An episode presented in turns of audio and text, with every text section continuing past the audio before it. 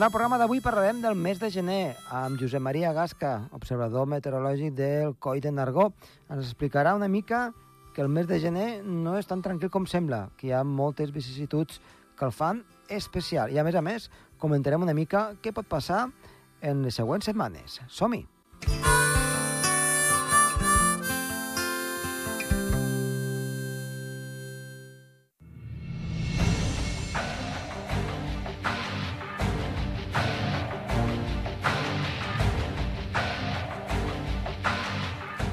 En el programa d'avui tenim una vegada més Josep Maria Gasca, observador meteorològic de la zona de Coi de Nargó. Eh, Josep Maria, molt bona tarda, moltes gràcies de nou per estar aquí amb nosaltres. Al, al contrari, encantat. Bona tarda a tothom. Um, avui ens Gràcies. portes un tema que pot ser una mica de controvèrsia, perquè hem tingut un mes de gener doncs, eh, avorridot, la veritat, eh? Però eh, Sí. ens vols explicar coses sobre el mes de gener que, doncs, eh, Sí. diguem-ne, no són les habituals o que ens pensem que són eh, sempre doncs, eh, avorrits, freds Sí. i assolellats, Sí. i sembla que no, no? Exacte, el mes de gener és un mes que meteorològicament se li dona poca importància perquè diu, no, al gener no passa res, vull dir, és un temps, has d'esperar a febrer, que reactivi, Sí. que de cara a primavera ja es comença a bellugar la cosa, no? Però el, desembre, el gener no. El desembre sí, el desembre dona activitat, però la gent eh, té una baixa estima sobre el mes de gener, en general tots, però meteorològicament parlant mm, passen coses eh, que es poden anar destacant i que a més aquest gener eh, pot ser un, una, un gener excepcional perquè han passat coses singulars eh, que podem anar citant, no? Eh, per exemple, el dia 1 de gener, el primer dia de gener, ja vam tenir una màxima que, de temperatura màxima, mm, que ara no tinc aquí davant, però devia ser a l'hora de 18, 20 graus en alguns llocs, que era la més alta de, no del segle, sinó de 50, 60, 70 anys. A més de gener, tenir màximes rondant els 20 anys, uh Mhm. -huh. els 20 graus, perdó. I això va ser una cosa eh, molt xocant. Però és que el gener del, del 2020 eh, vam tenir eh, dos temporals, com van ser Glòria i Filomena, i a l'últim gener vam tenir l'Hortència, Uh -huh. vull dir, el meu últim, la Filomena i l'Hortència va ser l'últim any, que va fer aquella nevada tan important a, a Madrid i que Sí. no va tocar tant cap aquí, però que, bueno, va ser un, un fenomen important. O sigui que el gener és un mes eh, traidoret, perquè sembla que no passa res, però després passen coses. Aquest any 2022 eh, és un any que el gener eh, és que és difícil resumir, perquè ha sigut al migdia de bones temperatures i a les, a les matinades eh, molt gel, molt fred, sobretot a zones no tan elevades com pot ser Andorra cap a la zona alta, Sí, però sí, per exemple, a la Seu, que han donat eh, mínimes de 10 graus sota zero sí és, és uns cert. quants dies, Uh -huh. eh? vull dir que deus, ostres, 10 i a Montellà i a zones eh, a Das, no cal dir, Das allà està, el termòmetre també està col·locat en un lloc molt afavorit pel fred, però que a l'alta muntanya no s'ha donat tant com podia fer pensar això, no? O sigui, ha sigut fred de mínimes i ha temperat al migdia, el qual vol dir una amplitud tèrmica, la, el camí que fa el mercuri de la màxima a la mínima, molt llarg. O sigui, hem tingut mm, que al matí tenies que anar molt abrigat i al migdia podies anar a màniga curta, no? Uh -huh.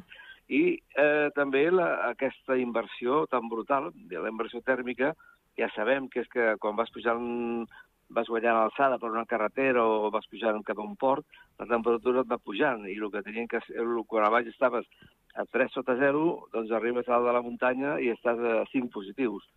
Que això, en principi, sembla que ha de ser, i és, eh, no és cap benefici per la neu, però amb baixes humitats, és el que estem tenint, unes humitats baixíssimes, ha dies del 10%, del 20%, això fa que la neu s'aguanti. No es produeix eh, sublimació ni fusió, sinó que si hi ha una obaga i no li pica gaire el sol, la neu s'aguanti. Uh -huh. I això doncs, ha sigut una cosa que ens ha, ens ha beneficiat.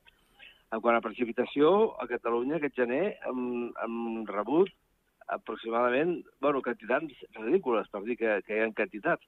A Coll de Nargó, Coll de Nargó, per exemple, hi ha 3 litres en tot un mes. Hi ha molts llocs de 2, de 0, de 1, de 5, eh, excepte zones de, molt de, de la part de, de la Vall d'Aran, però la resta realment impressionant.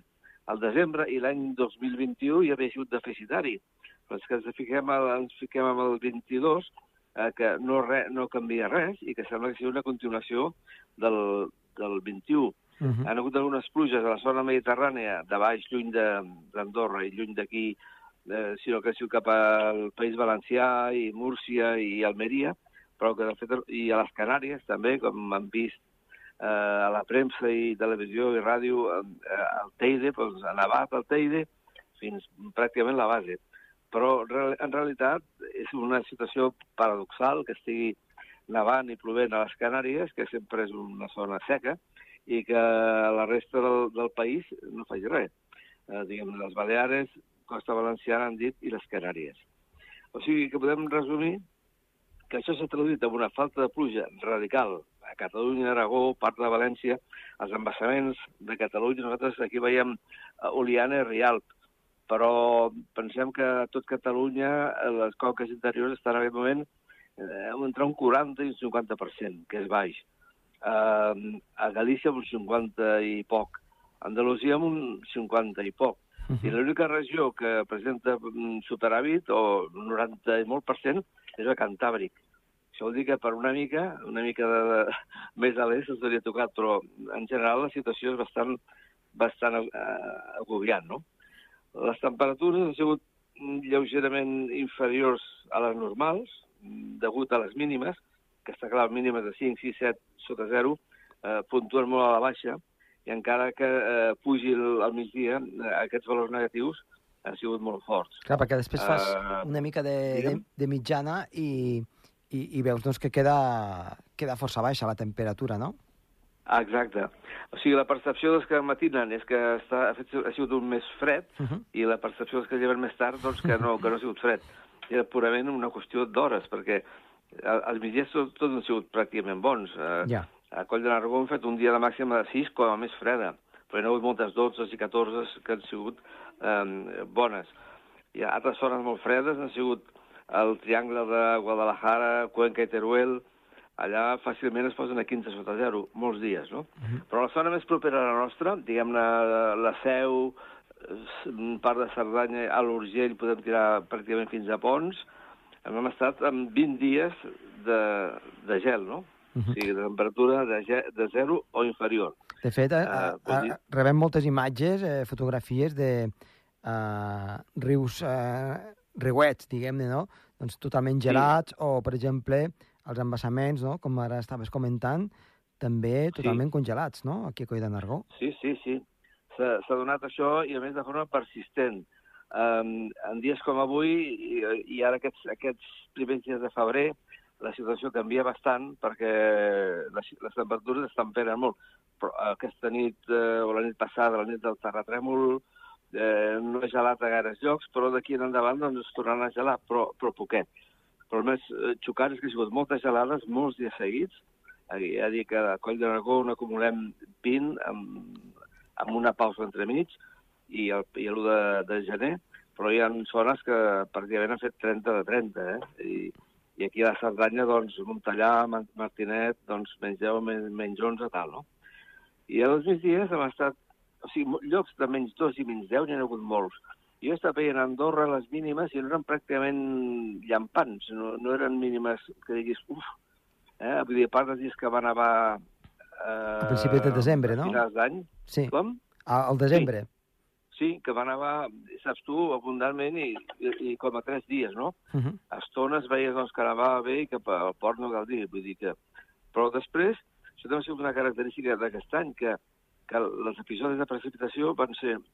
I on van tocar, Andorra té la sort i la, i la Vall d'Aran també, on van tocar, van tocar de persistència i van durar tres dies. Però vam estar molt de sort, perquè si no hagués tocat, hagués sigut un canvi de decorat totalment diferent, no? I tant.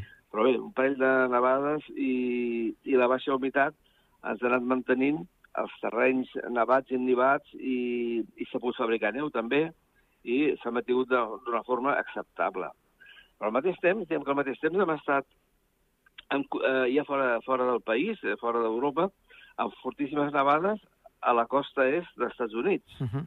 um, I hem vist tots Nova York i, i Boston amb nevades de, de, de 60 centímetres impressionants i amb a la ventisca blizzard, que diuen ells, eh, realment, realment forta, no? I també eh, a Europa, a l'est d'Europa, hi ha l'Indanamàcia, Turquia, Grècia, i el, la Txèquia, Polònia, després al nord, les repúbliques bàltiques i Escandinàvia, i no oblidem Israel i Terra Santa, també han, vingut, han vist neu, han vist molta neu. I aleshores penses, bueno, eh, i això i allò, el que passa a Europa i el que passa a Amèrica està associat, té alguna cosa a veure? I hem de dir que sí, que hi ha una, una correlació bastant directa perquè eh, eh, l'explicació és que el nostre anticiclón, que ha estat anticicló, que ha estat tan fort i potent, eh, modula el, el corrent en jet. Que el corrent en jet, recordem, és un corrent de vent de vent d'oest a est, mm. que bufa d'entre 10 i 12 quilòmetres d'alçada, a 300 per hora, i, és bastant ample, 200-300 quilòmetres com a mínim. Doncs aquest corrent, que té una forma com una serp, fa unes, unes corbes quasi capritxoses, i agafa una gran massa d'aire fred que està encara al, a l'oest dels Estats Units, diguem-ne cap a Alaska i cap a Sibèria, i la fan als Estats Units que baixa verticalment de nord a sud, especialment a l'est. I han vist que el, el fred i, la, el gel ha arribat a Florida, amb 4 sota 0, que les iguanes eh, semblaven mortes. Sí, no? Estaven... Un animal, eh, sí, sembla un animal antidiluvià, eh, sembla un llargat d'aix gros, i però en temperatures mm, properes a zero, sota zero, es queden mm, eh, paralitzades. El sistema muscular, el sistema de, de, de, de moviment no els hi queda inhabilitat i els animals cauen com a morts dels arbres, cauen a terra. I quan la temperatura augmenta, arrafant. I es veu que això ha sigut bastant, bastant notable degut als freds, una cosa bastant, bastant uh, infreqüent. Uh -huh. O sigui, el que explicàvem, que el nostre anticicló ens ha fet el, el, el trist favor d'establir un blocatge, una situació de blocatge amb una circulació d'oest a est, però d'alta latitud.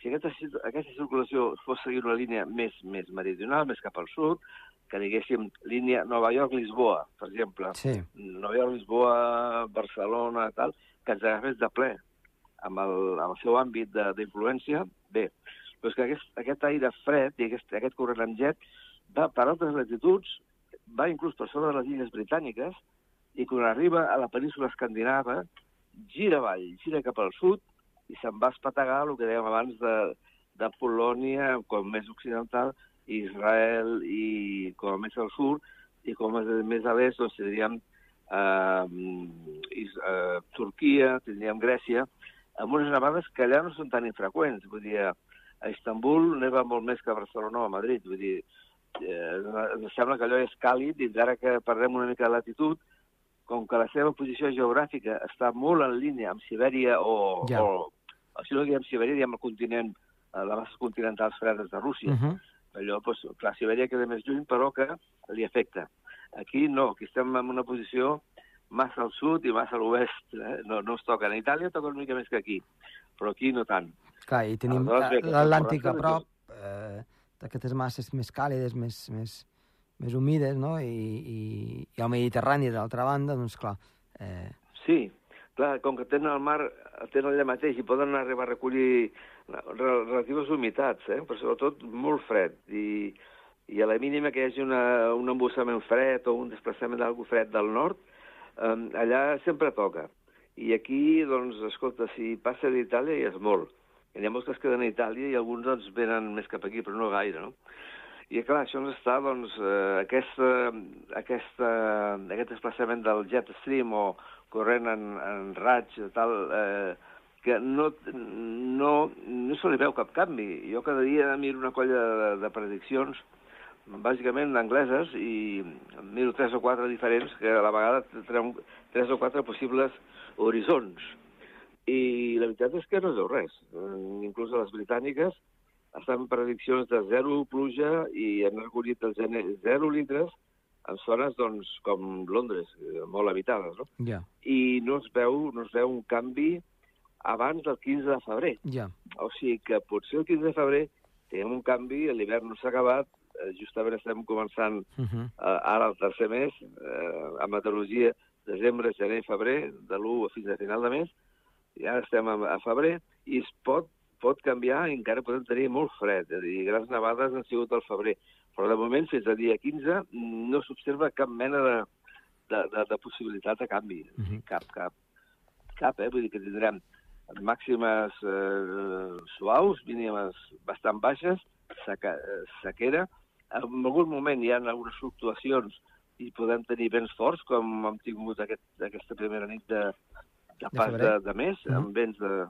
A Coll de l'Argó hi donàvem 74 al matí per hora, que és fort, 74 km per hora, a la tarda 60, però per exemple, les illes britàniques estan donant algunes hores de 200 per hora. Uh -huh. eh, clar, és, és més al nord, però ja és la severitat, eh? 200 per hora, quilòmetres en camp obert, no, no és cap muntanya, no és el, el món de Washington, eh, és, és, són terrenys plans del nord de, de les illes britàniques, 180 i 200, crida d'atenció.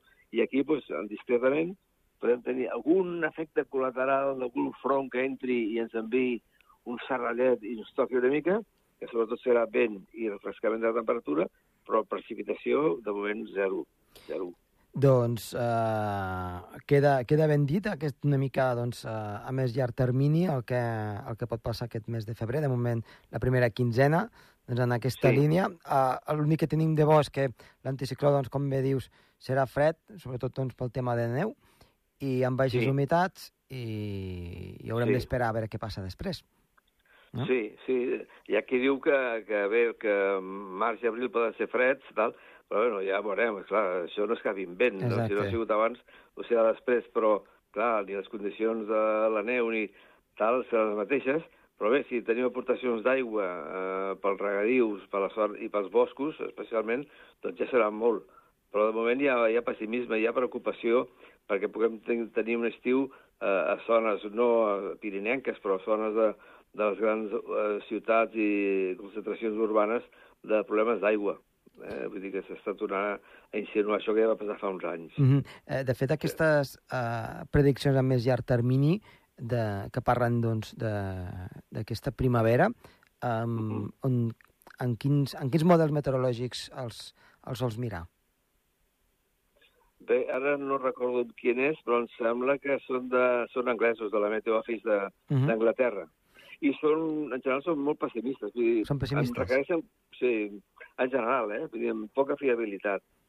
Poca fiabilitat. És que els models estan canviant, tu que ho veus també, veus que veus un model que ara tenia que fer mal temps fa una setmana i mm. plum, ha canviat sí. radicalment. Sí, de, I aquests fet... estacionals...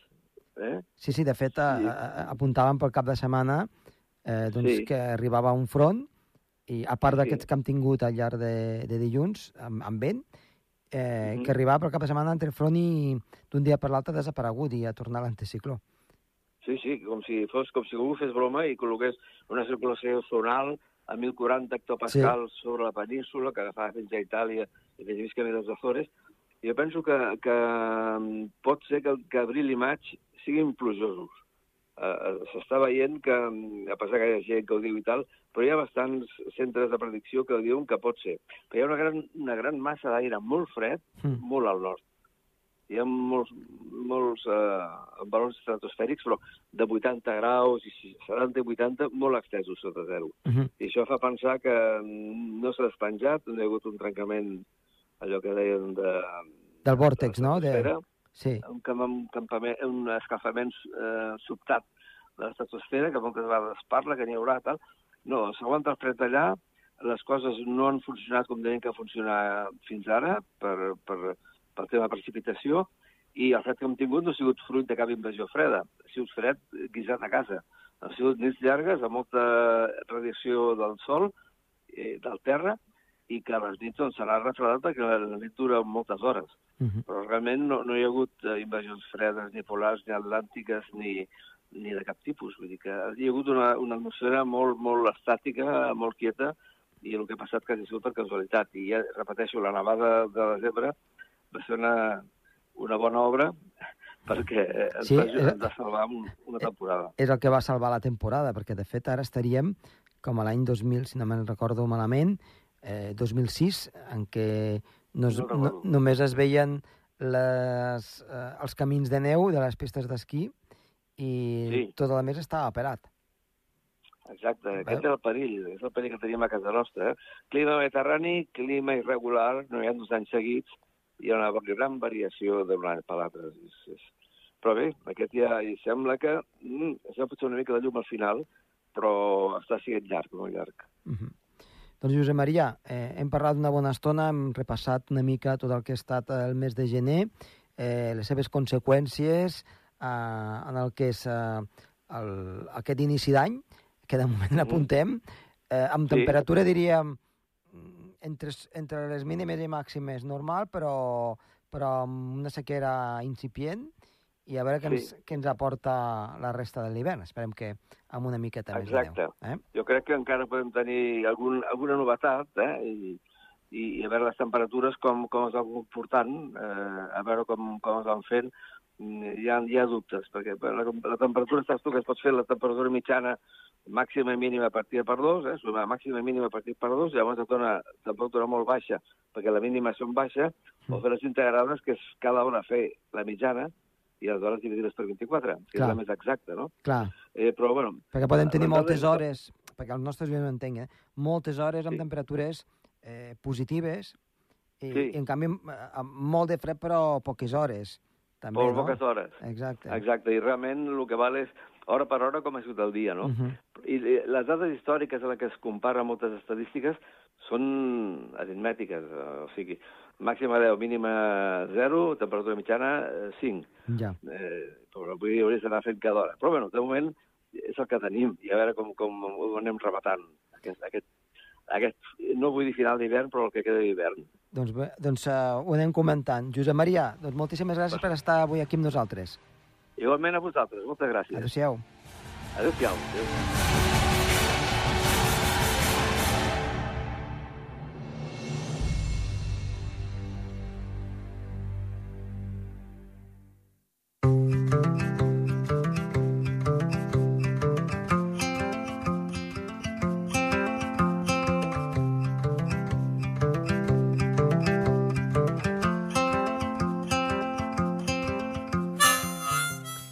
Fins aquí el programa d'avui. Esperem que els hagi agradat. Estat de les vies de so, Toni Escur, que els ha parlat Josep Tomàs. Adéu-siau. Adéu-siau.